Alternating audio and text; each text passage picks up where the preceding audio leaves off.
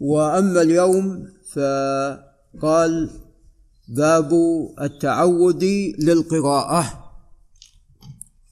قد جاء الأمر بأن الإنسان قبل أن يقرأ يستعيذ بالله عز وجل من الشيطان الرجيم. نعم سواء كان في الصلاة أو كان في خارج الصلاة. عليكم السلام. وقد ذهب بعض أهل العلم إلى وجوب ذلك. لعل الأستاذ أحمد ينتبه ذهب بعض أهل العلم إلى وجوب ذلك. قال قال الله تعالى فإذا قرأت القرآن فاستعذ بالله من الشيطان الرجيم فأمر الله عز وجل عند القراءة بالاستعاذة من الشيطان الرجيم. قال وعن أبي سعيد الخدري رضي الله عنه عن النبي صلى الله عليه وسلم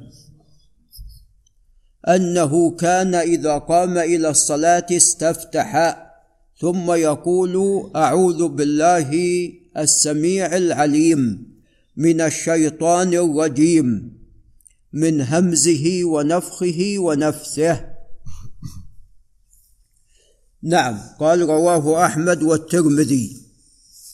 وهذا طبعا فيه ضعف هذا فيه ضعف والاستعاذة بالله من الشيطان الرجيم نعم تكفي. وقد جاءت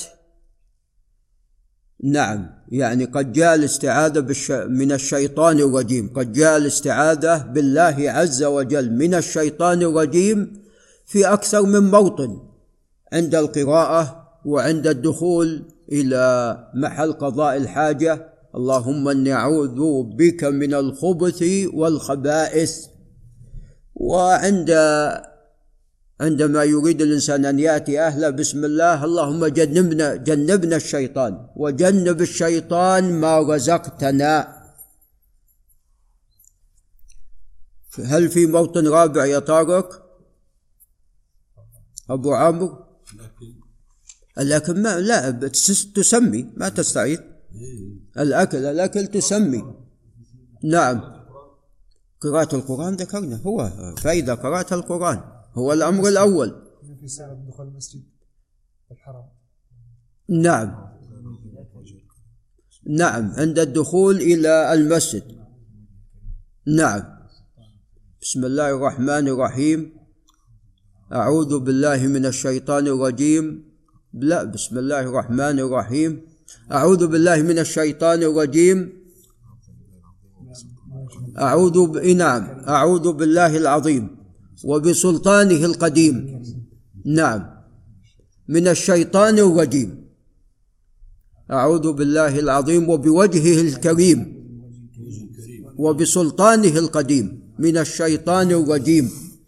هذا حديث عبد الله بن عمرو بن العاص رواه أبو داود في كتابه السنن. نعم فهذا الموطن الرابع. الموطن الخامس يا أبو عمرو. الابن منيع. الصلاة إذا حسست بالشيطان نعم فانفذ عن يسارك ثلاثا ادفل عن يسارك ثلاثا واستعذ بالله من الشيطان الرجيم. وهذا الشيطان يقال له خنزب.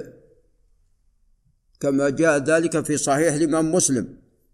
فهذا الموطن الخامس إذا حسسته.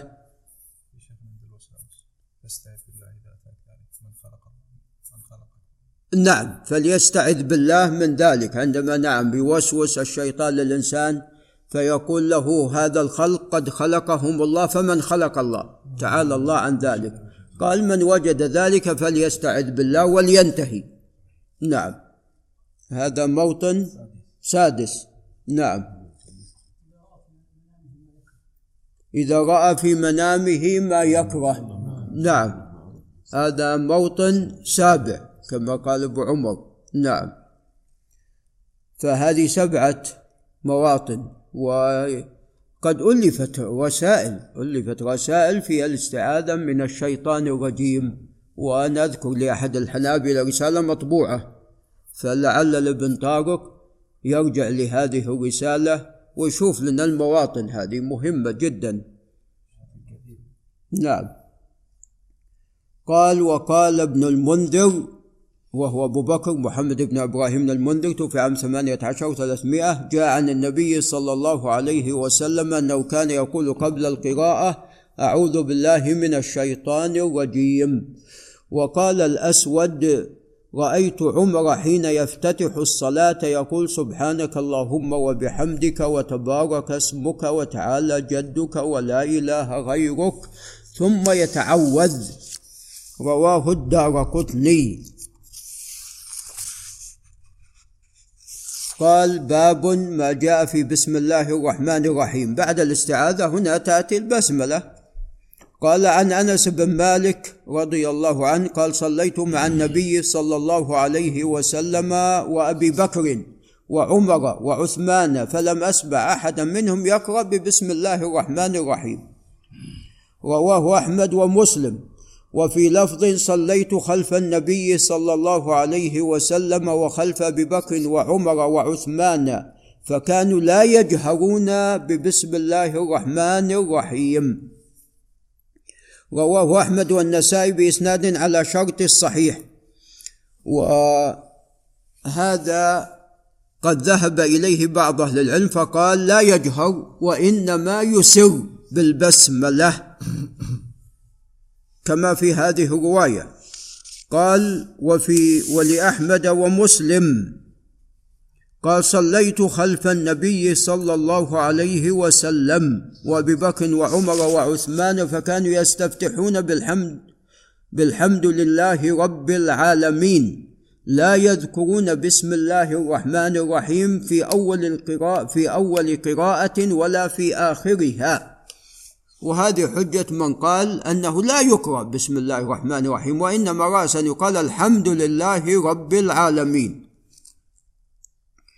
قال ولعبد الله بن أحمد في مسند أبيه عن شعبة عن قتادة عن قتادة عن أنس بن مالك رضي الله عنه قال صليت خلف رسول الله صلى الله عليه وسلم وخلف أبي بكر وعمر وعثمان فلم يكونوا يستفتحون القراءة ببسم الله الرحمن الرحيم. قال شعبة قلت لقتادة أنت سمعته من أنس؟ قال نعم سأل نحن سألناه عنه. وللنسائي عن منصور بن زاذان عن أنس رضي الله عنه قال صلى بنا رسول الله صلى الله عليه وسلم فلم يسمعنا. قراءة بسم الله الرحمن الرحيم. وصلى بنا أبو بكر وعمر فلم نسمعها منهما. قال وعن عبد الله بن مغفل. قال وعن ابن عبد الله بن مغفل. قال سمعت أبي. وهو المزني من بني مزينة. قال سمع, سمع نعم هم الآن في قبيلة حرب. قال سمعني أبي وأنا أقول بسم الله الرحمن الرحيم. فقال يا بني إياك والحدث. قال ولم أرى من أصحاب رسول الله صلى الله عليه وسلم رجلا كان أبغض إليه حدثا في الإسلام. الحدث يعني البدع الدين كامل؟ حدثا في الإسلام منه فإني صليت مع رسول الله صلى الله عليه وسلم. هذا يقول عبد الله بن مغفل. ومع أبي بكر وعم ومع عمر ومع عثمان فلم اسمع أحدا منهم.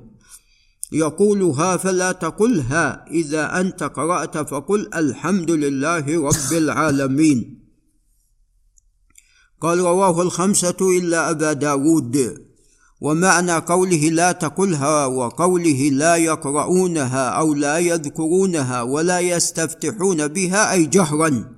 بدليل قوله في رواية تقدمت لا يجهرون بها وذلك يدل على قراءتهم لها سرا. قال وعن قتادة قال سئل أنس كيف كانت قراءة النبي صلى الله عليه وسلم؟ فقال مدا. ثم قرأ بسم الله الرحمن الرحيم. يمد بسم الله ويمد الرحمن ويمد الرحيم. قال رواه البخاري وهذا يؤيد قراءتها ولكن سرا قال وروى ابن جريج عن عبد الله بن أبي مليكة كان مؤذن الحرم وكان قاضيا لعبد الله بن الزبير توفي عام سبعة عشر ومئة قال عن أم سلمة رضي الله عنها أنها سئلت عن قراءة رسول الله صلى الله عليه وسلم. فقالت كان يقطع قراءته آية آية. بسم الله الرحمن الرحيم آية. الحمد لله رب العالمين آية. يقف. الرحمن الرحيم ثم يقف. مالك يوم الدين ثم يقف. قال رواه أحمد وأبو داود. وهذا ثابت وإن كان هنا منقطع لكن بينهما ابن مملك. يحيى بن مملك فيما أظن بينهما بين ابن أبي مليكة وأم سلمة. ولعل نقف عند هنا. الشافعي مذهب الشافعي نعم يجهرون بها. كيف؟ يعلى يعلى يعلى أحسنت مو بيحيى يعلى بن مملك.